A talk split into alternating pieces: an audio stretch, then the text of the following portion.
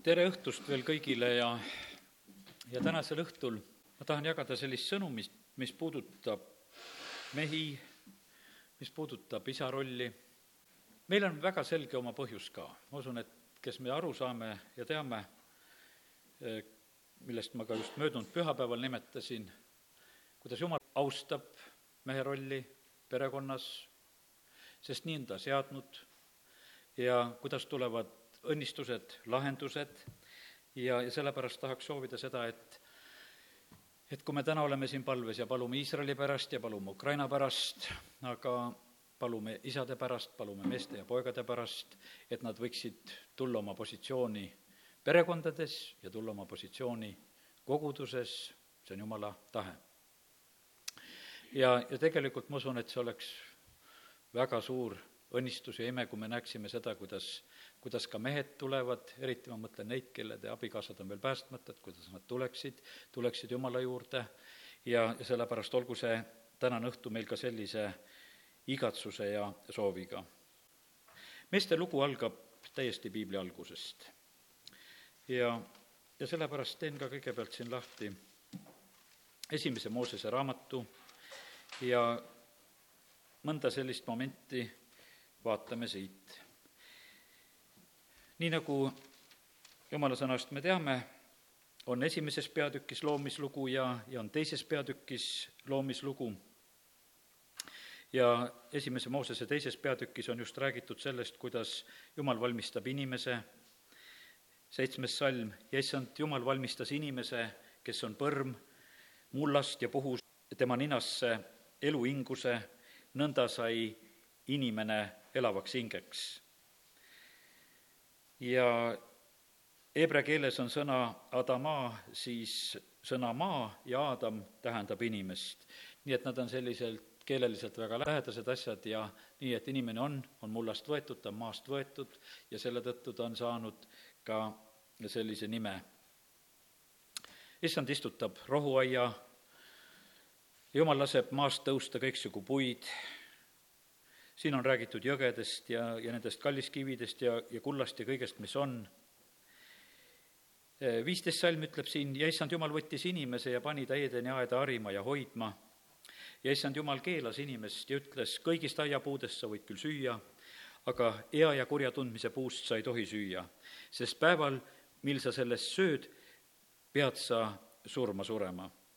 ja issand jumal ütles, inimesel ei ole hea üksi olla. ma tahan teha temale abi, kes on tema kohane. ja issand jumal valmistas mullast kõik loomad väljal ja kõik linnud taeva all ning tõi inimese juurde, et näha, kuidas tema neid nimetab. ja kuidas inimene igat elavat olendit nimetas, nõnda pidi selle nimi olema ja inimene pani nimed kõigile kariloomadele, lindudele taeva all ja kõikidele metsloomadele, aga inimesele ei leidunud abilist, kes tema kohane oleks. siis issand jumal laskis tulla raske une inimese peale ja see jäi magama. siis ta võttis ühe tema küljeluudest ning sulges selle aseme taas lihaga ja issand jumal ehitas küljeluu, mille ta inimesest oli võtnud naiseks ja tõi ta tema Aadama juurde ja Adam ütles, see on nüüd luu minu luust ja liha minu lihast.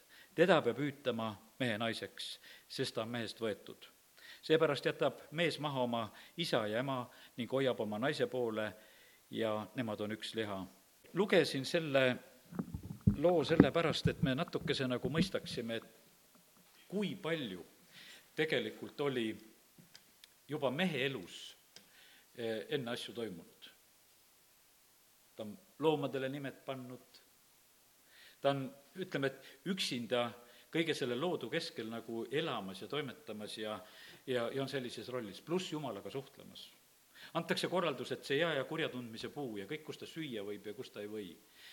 ja, ja selles mõttes me näeme seda, et, et kui palju hiljem tegelikult, me ei oska seda ajaliselt ütelda, siin sõna lihtsalt meile seda välja ei too ja, ja see jääb saladuseks.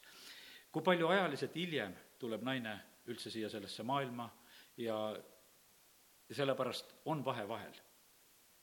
on vahe vahel, on vastutuse vahe ka vahel. ja siin, kui me patulangemise lugu edasi loeme, olgugi, et äh, jumala sõna avab meile väga selgelt selle ka, et, et naine on kõigepealt seal meelitatud ja sööb sellest, võtab sellest viljast ja sööb sellest puust ja ja aga siiski, kui jumal tuleb sinna, siis kolmanda peatüki kaheksas salm äh, on räägitud sellest ja kui nad kuulsid issand oma jumala häält, kes rohuaias sinna ja tänna käis, kui päev viluks läks ja Aadam ja tema naine peitsid endid issanda ja jumala palge eest rohu ja puude keskele siis issand jumal hüüdis Aadamat ja ütles temale, kus sa oled. ja, ja sellepärast me näeme, et siin on, otseselt on, kuhu, kuhu see vastutus läks ka, see läks otseselt mehele. ta küsib, kus sa oled. Jumal teadis kõike, mis seal aias oli toimunud. see ei olnud talle mitte mingisugune teadmata asi, see ei olnud talle mitte mingisugune üllatus, sellepärast et jumal teab kõike ja, ja sellepärast, aga me näeme seda, et, et jumal käitub väga otseselt ja selgelt samamoodi ka, et, et sellises vastutavas kohas ja positsioonis on, on mees. ta küsib ja nõuab aru mehe käest, mis on juhtunud, miks need asjad on nõnda ja mees pidi neid asju väljendama. täna me ei jää rääkima sellest, eh, kuidas seal mees hakkab nendest asjadest rääkima, vaid see esimene mõte, mis ma siin olen praegu tahtnud öelda, seda ka, et just on see, et milline positsioon ja vastutus on mehel.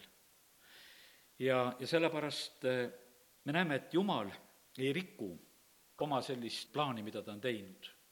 Jumal väga selgelt käitub oma sõna järele. Eh, võtame nüüd esimese Korintuse kirja üheteistkümnenda peatüki kolmanda salmi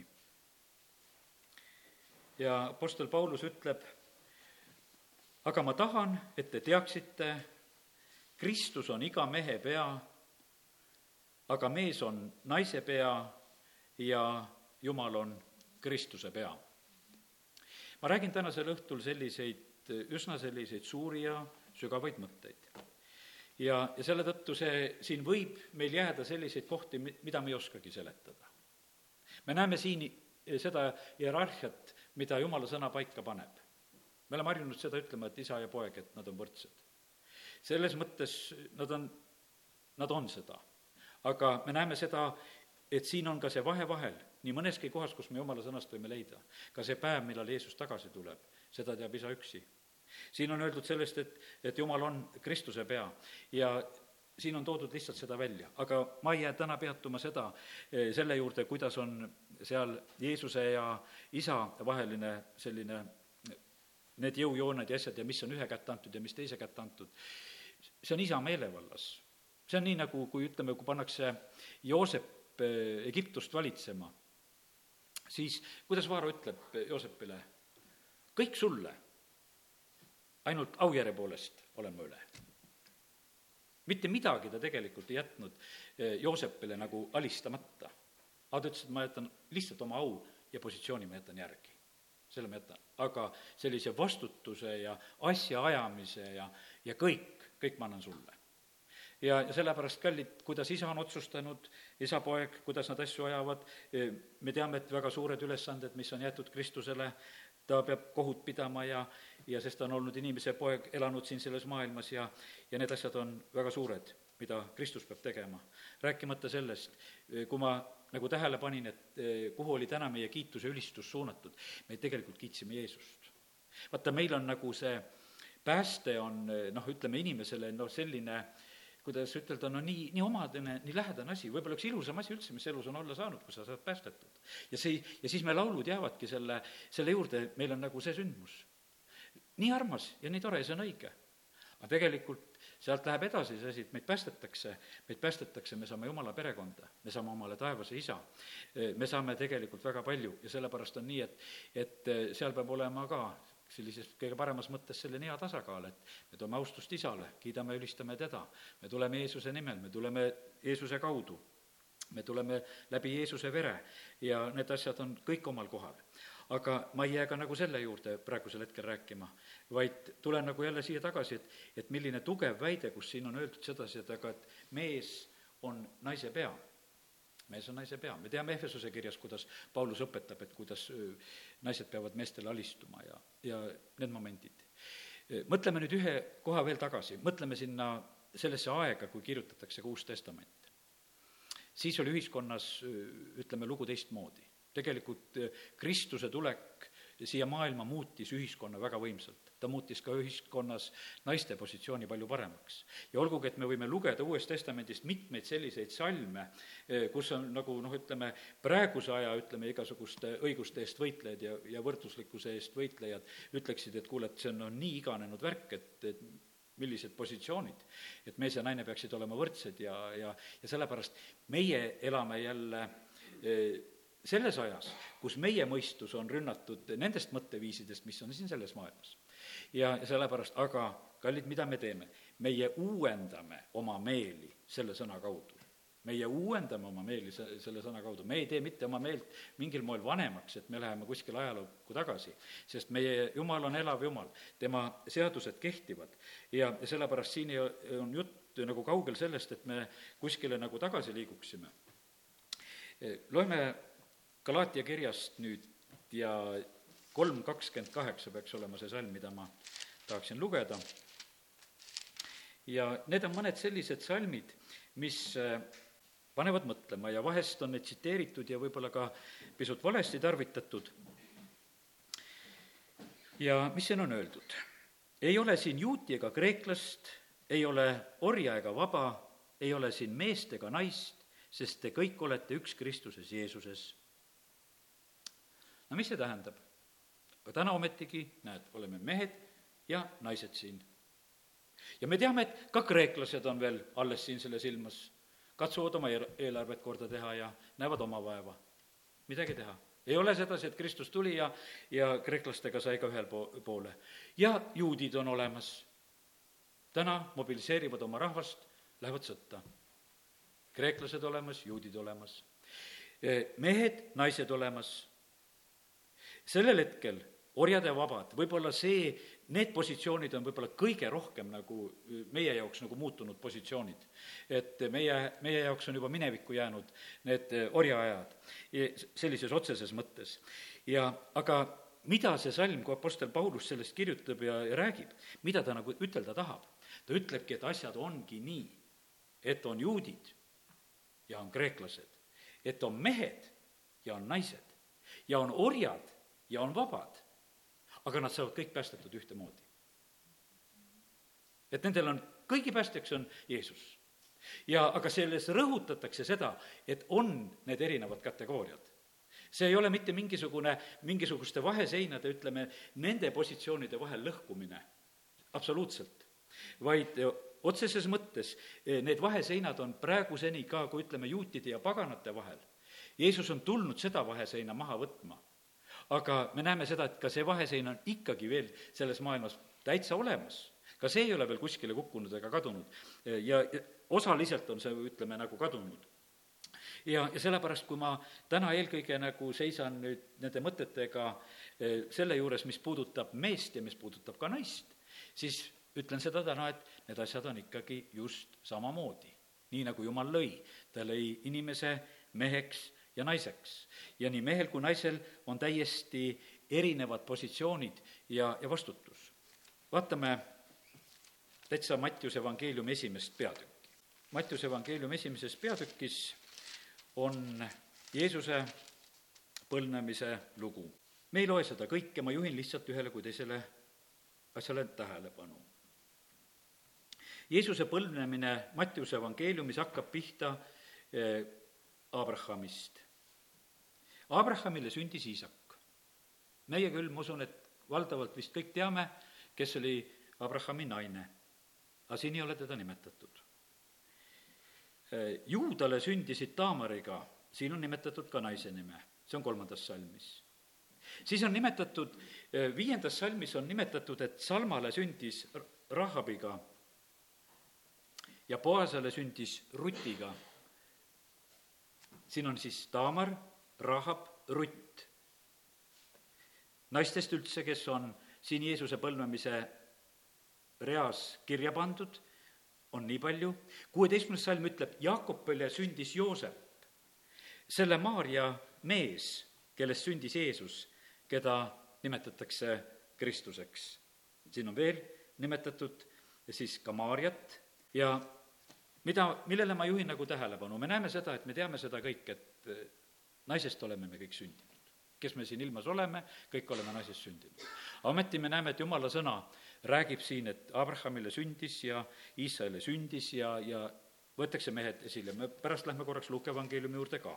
aga kui me kord juba siin Mattiuse evangeeliumi alguse juures oleme, siis eh, ma tahaks nagu mõnele asjale veel tähelepanu juhtida, Jeesuse sünni koha pealt. jumal ilmutab ingli kaudu kakskümmend salm unenäos Joosepile. Joosep, Taaveti poeg, ära karda oma naist Maarjat enese juurde võtta, sest laps, keda ta kannab, on pühast vaimust. ja antakse juhised, ta toob ilmale poja, sina pead talle nimeks panema Jeesus, see ülesanne antakse Joosepile, sest tema päästab tema rahva nende pattudest. kakskümmend neli salm. kui Joosep unest ärkas, tegi ta nõnda, nagu ingel teda oli käskinud.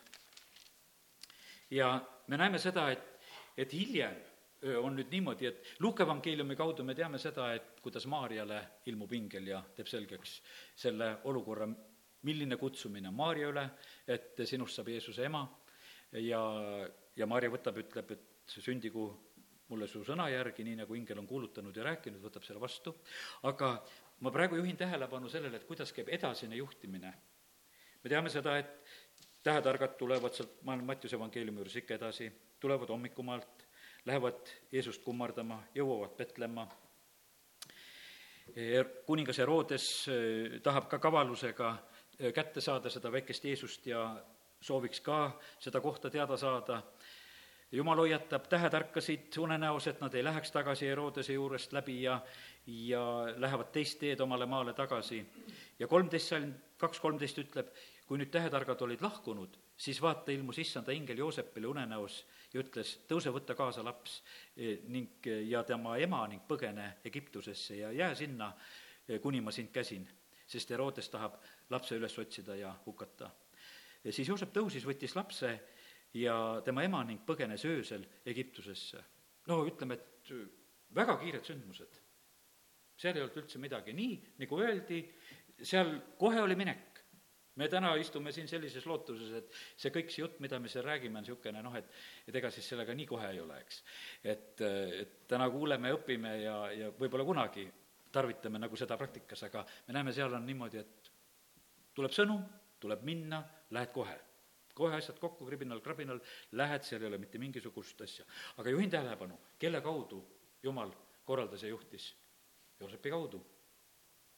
ja kui nad on eh, tagasi juba tulemas, üheksateist salm, kui Herodes oli surnud, siis ilmus issanda ingel Egiptuses viibivale Joosepile unenäos ja ütles, tõuse üles, võta laps, tema ema ning mine Iisraelimaale, sest need, kes püüdsid last tappa, on surnud. siis ta tõusis, võttis lapse, tema ema ja tuli Iisraelimaale kuulnud aga, et Arhelaos on kuningaks Juudamaal oma isa Herodese järel, kartis Joosep sinna minna.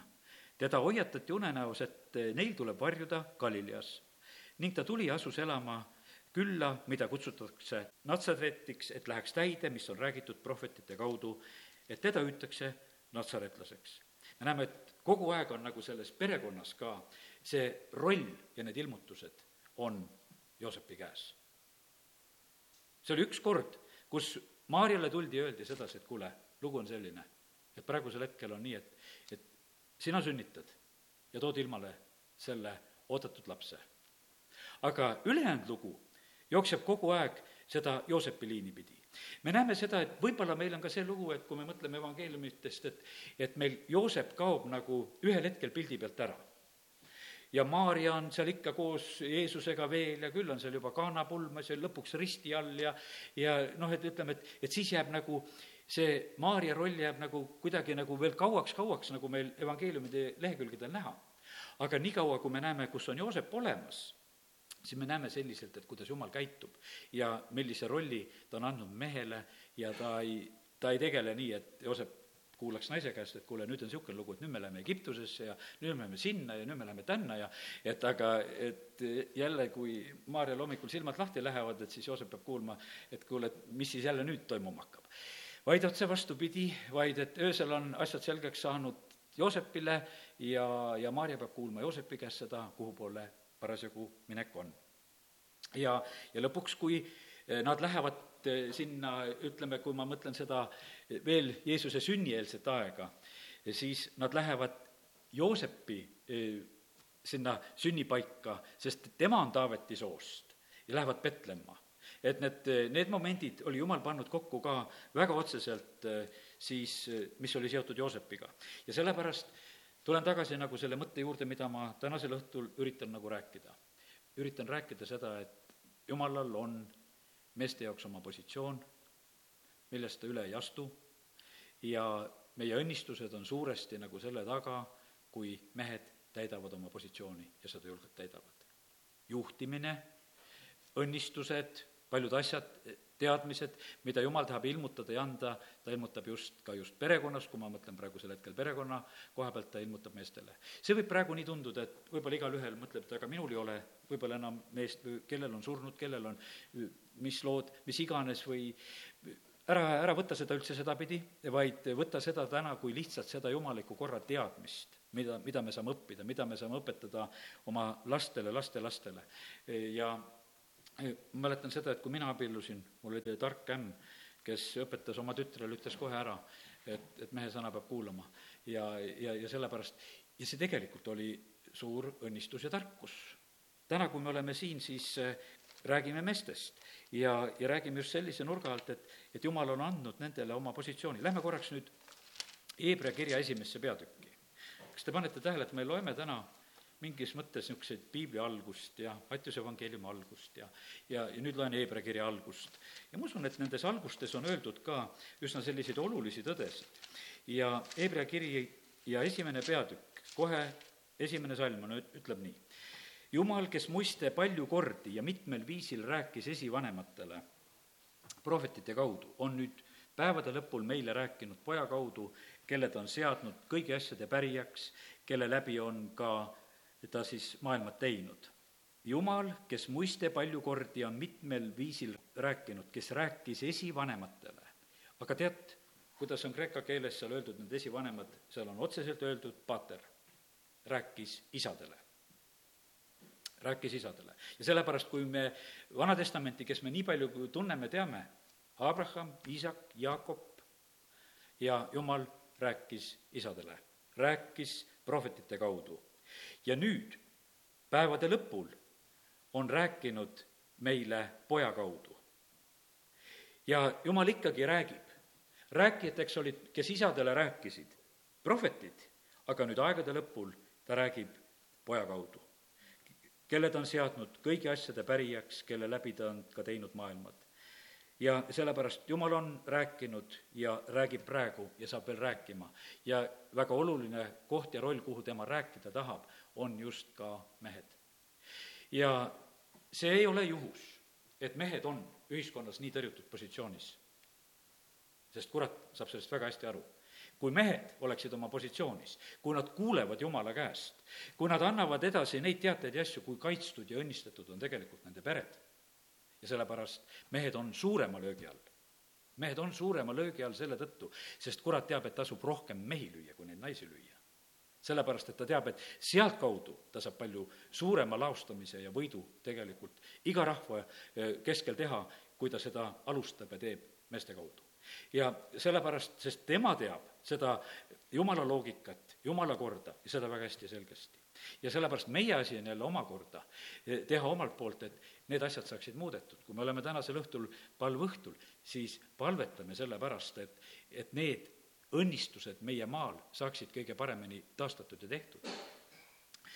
Efesuse kirja kolm viisteist loeme nüüd. sinna Luuke evangeeliumisse me praegu ei ole läinud, mida ma ka korraks nimetasin, vaatame, kas sinna lähemegi. aga Efesuse kolm neliteist viisteist loeme. sellepärast ma nõt-, põlvitan isa ees, kelle käest iga suguvõsa taevas ja maa peal saab nime. see suguvõsa, vene keeles on see tõlgitud nagu see atetšestva, nagu isamaa, ütleme, kui võiks ühtepidi tõlkida.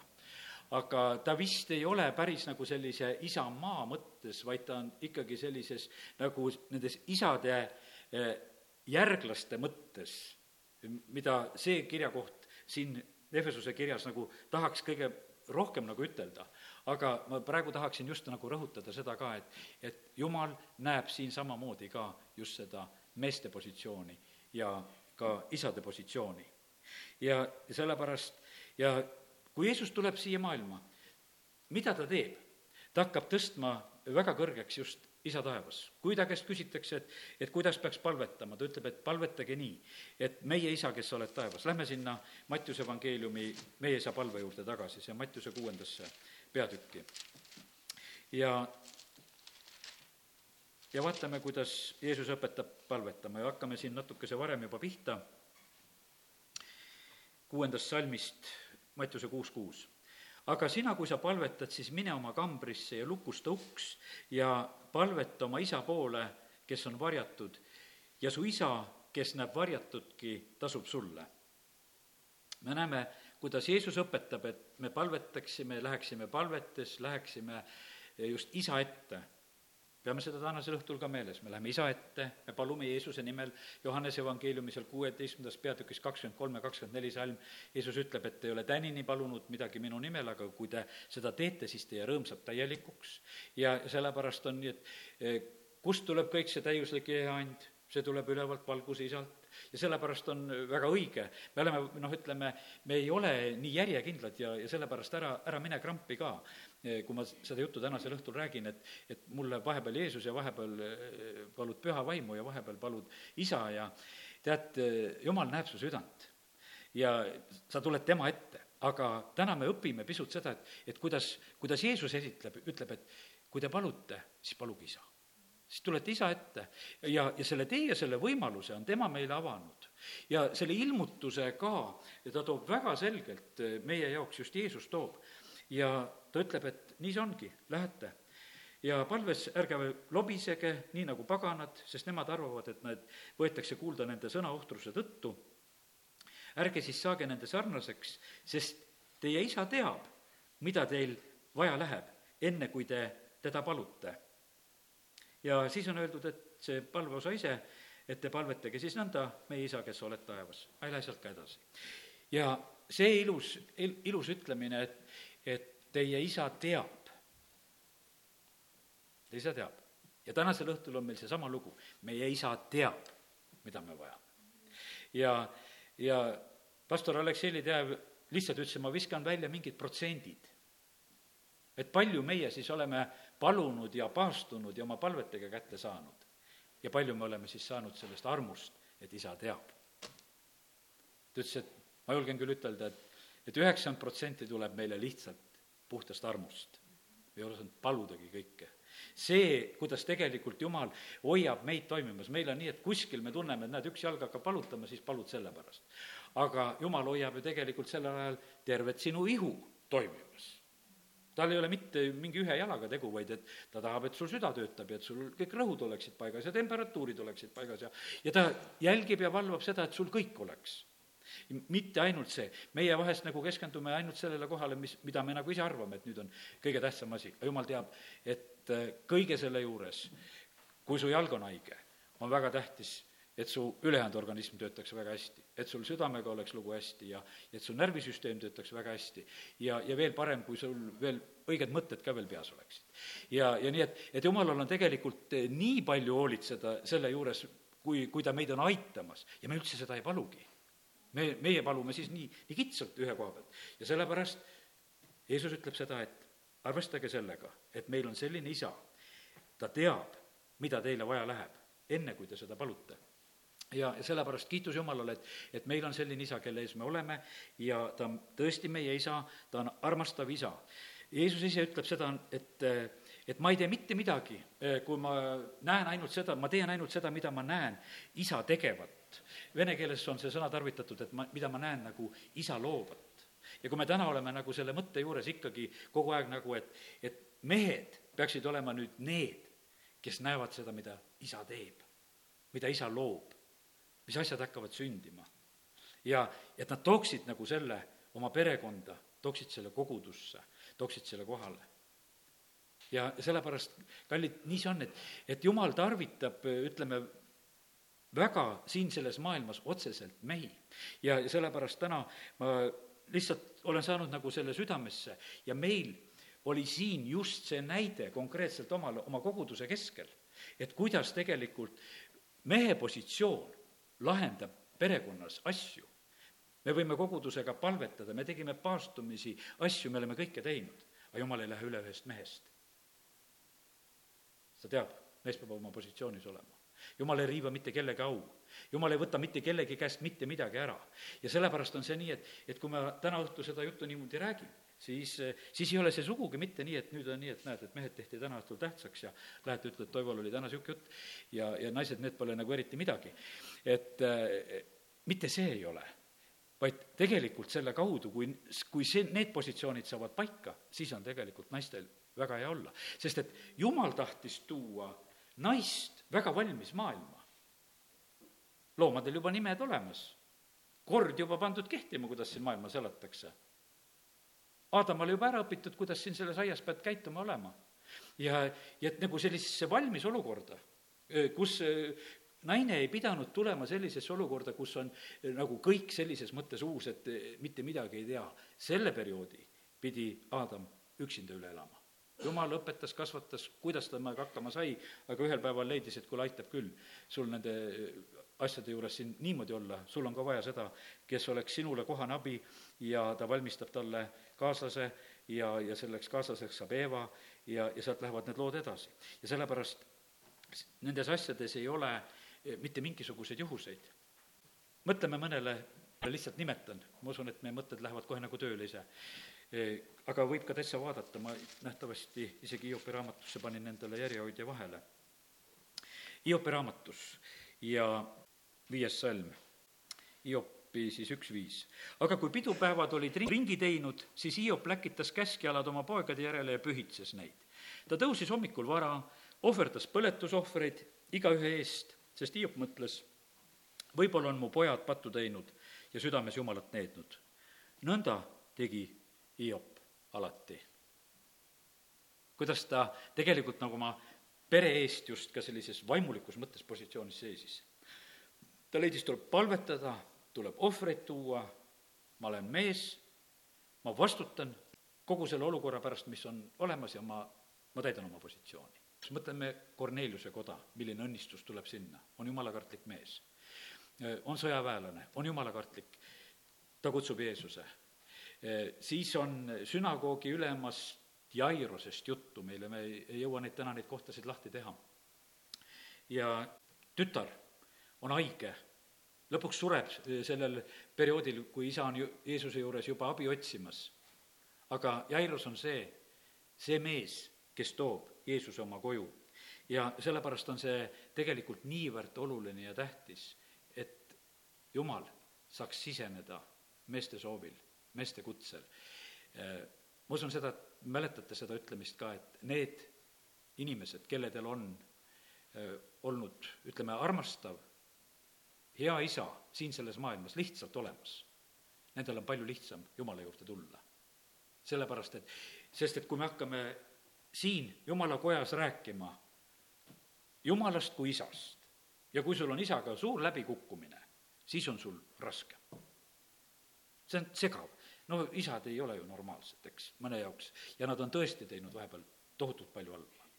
ja, ja sellepärast, kallid eh,, aga Jumal jääb ikkagi isaks ja armastavaks isaks. ja, ja sellepärast täna, kui siin oleme, siis äh, mõtleme neid mõtteid just ja, ja selle, sellise igatsusega, ma ise täna nagu neid asju olen siin noh, üsna palju olen oma peas nagu veeretanud, mõelnud ja siis mõtlen, et aga jumal, kui võimas palve vastus oleks see, kui me näeme, et need mehed, kes me koguduse liikmetel on päästmata, need pojad, kes on päästmata, et kui need tulevad ja saavad päästetud. milline tasu? Need väimehed, no kellel iganes, mis head tulla on, las tulevad kõik. ja, ja, ja sellepärast, aga et, aga et see peab olema nagu ütleme, vaata selline eh, igatsus meil. ja kuidas Jeesus õpetab meid paluma? kui me palume tema tahte kohaselt, need palved ju Jumalale meeldivad.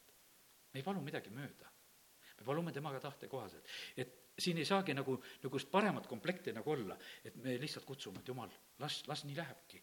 me täitsa tunnustame, me näeme seda positsiooni. Läheme nüüd korraks veel Mattiuse neljateistkümnendasse peatükki, kui Jeesus toidab eh, seal viis tuhat meest, kohe vahepealkiri pandud. ja naised ja lapsed jäeti nälga. Kui Jeesus sai sellest kuulda, eemaldus ta sealt paadiga tühja paika, see on Mattiuse neliteist kolmteist, kus ma lugema hakkan. et olla omaette ja kui rahvahulgad sellest kuulsid, järgnesid ta, nad talle jalgsi linnadest.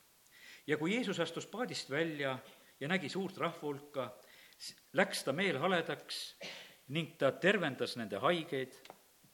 Õhtu jõudes aga astusid Jeesuse jüngrid ta juurde ja ütlesid, paik on üksildane ja aeg juba hiline lase nüüd rahvahulgad ära minna, et nad läheksid küladesse endale süüa otsima.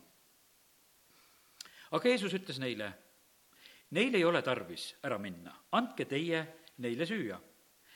Nemad aga ütlesid talle, meil ei ole siin rohkem kui vaid viis leiba ja kaks kala. aga tema ütles, tooge need mulle siia. ja Jeesus käskis rahvahulkadel istuda rohule, võttis need viis leiba ja kaks kala vaatas üles taevasse, õnnistas ja murdis ja andis leivad jüngrite kätte. jüngrid aga andsid need rahvale. ja kõik sõid ja said kõhud täis ja ülejäänud palakesi korjati kaksteist korvitäit, aga sööjaid oli ligi viis tuhat meest, peale selle veel naised ja lapsed. aga pange tähele, millise rõhuga on piiblis need asjad räägitud, et sööjad olid, seal olid need ligi viis tuhat meest. No ja peale selle eh, naised ja lapsed, see oli nii, et neid nagu ei loetudki, eh, ja, ja siin võivad jälle need, kes naiste õiguste eest võitlevad, ütelda, et kuule, niimoodi nende naistega siin piiblis tehakse, et mehed loetakse ära.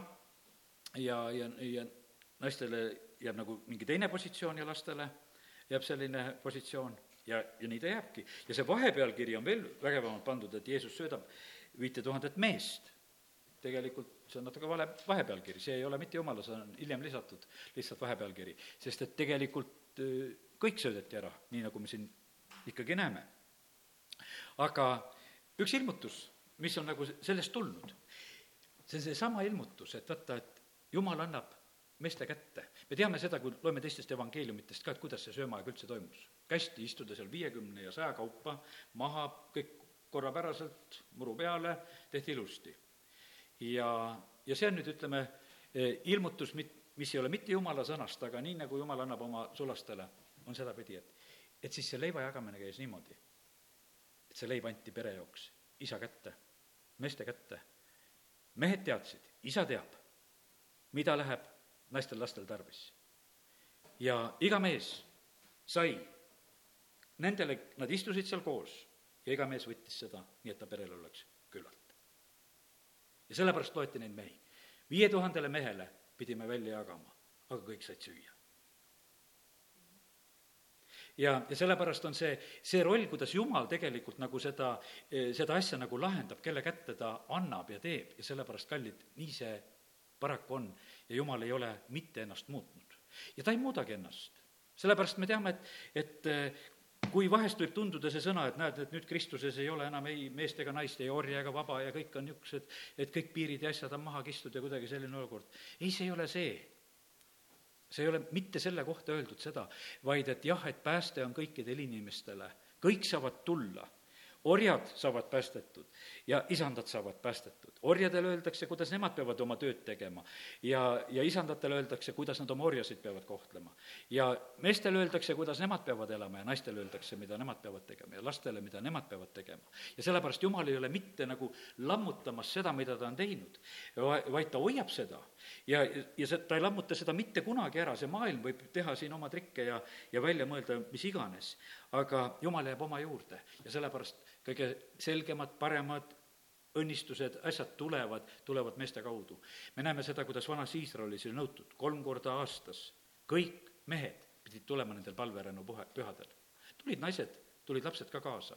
aga meestele ja sealt kaheteistkümnendast eluaastast kõigil oli käsk, et te peate olema kohal ja kogu lugu.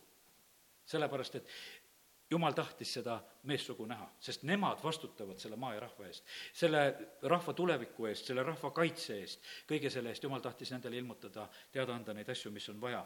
ja, sellepärast täna ka, kui oleme siin, siis äh, ma leian seda, et et see on see, mida jumal on tegelikult ka juba meie hulgas tegemas.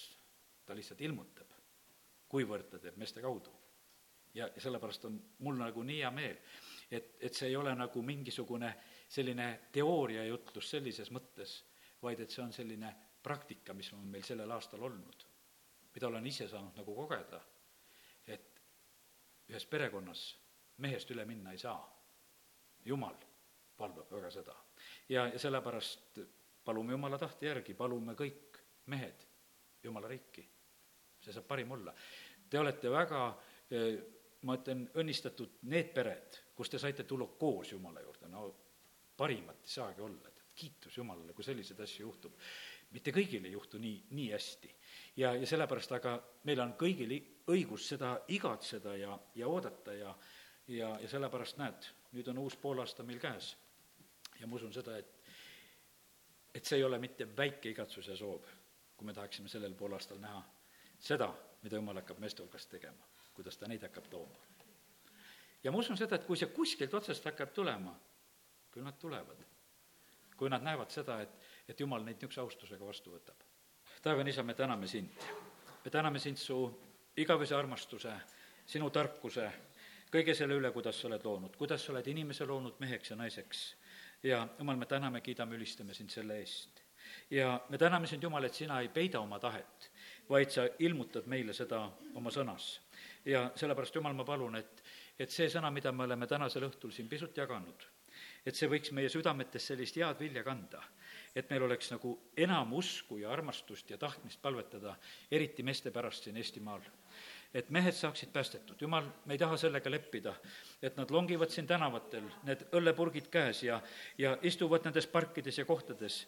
jumal, me ei taha sellega leppida, et me, mehed on praegusel hetkel siin meie maal, seal õllesummeril ja sumisevad seal, vaid jumal, me tahame paluda neid tänasel õhtul, et nad tuleksid sinu riiki. et nad võtaksid, jumal, positsiooni sinu riigis, kõigepealt sinu lapseks saades, aga jumal, me täname sind, et sa tahad meeste kaudu teha väga palju. me täname sind, Jumal, et sa oled meestele andnud väga olulise positsiooni perekonnas ja me tahame paluda, Jumal, et, et see võiks tugevaks saada. Jumal, me ütleme tänasel õhtul, et me, me ei lepi sellega, mida siin sellel maal tehakse praegusel hetkel ka selles seadusloomes, kus püütakse midagi võrdsustada, siin ei ole midagi võrdsustada, Jumal, me tahame ütelda seda, et sündigu kõik sinu sõna ja sinu tahtmise järgi. Jumal, me täname, kiidame, ülistame sind, et me võime tänasel õhtul seda siin üheskoos igatseda ja paluda. ja me täname sind, Jumal, et, et sina, sina kuuled palveid. isa, kiitus ja tänu ja ülistus sulle.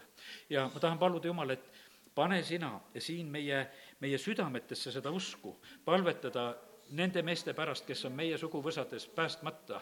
jumal, me täname sind, et me tohime tänasel õhtul paluda seda, et, et see, millest me oleme rääkinud, et see ei jääks nagu selleks tänase õhtu looks, et me korraks mõtleme selle peale, vaid jumal, et see võiks olla meil nagu sellel poolel aastal selline asi, mille pärast me ikka oleme sinu ees. E, usust tänades, hüüdes su poole, välja rääkides ja isa, me tahame näha, et mehed on siin meie keskel, isa, me täname, kiidame, ülistame sind. sina tead igat meest siit nimepidi praegusel hetkel, kõigi meie kogu koguduse liikmete abikaasad, just mehed, kes on veel päästmata, isa, aga kes on ka juba päästetud ja osad ei tule veel lihtsalt ka kaasa. E, jumal, me palume seda, et, et see ime võiks sündida, et nad hakkaksid tulema, isa, me palume seda, et, et nad tuleksid juba, et nad tuleksid juba järgmisel pühapäeval Jeesuse nimel. isa, me, me täname sind, et me võime igatseda ja uskuda, me ei taha neid asju mitte kuskile ei tea kuhu edasi lükata, vaid me palume tänasel õhtul juba seda Jeesuse nimel, et need asjad hakkaksid sündima. isa, kiitus ja tänu ja ülistus sulle ja me täname sind, Jumal, et sa oled hea, me täname sind, Jumal, kõige selle eest, mis sa oled tegemas. kiitus ja tänu ja au ja ülistus sulle, Jeesuse nimel, amen. Luuka evangeeliumis on nii toredasti öeldud seda, kuidas on Aadam, see on siis Luuka kolm kolmkümmend kaheksa, Aadam, see oli Jumala poeg.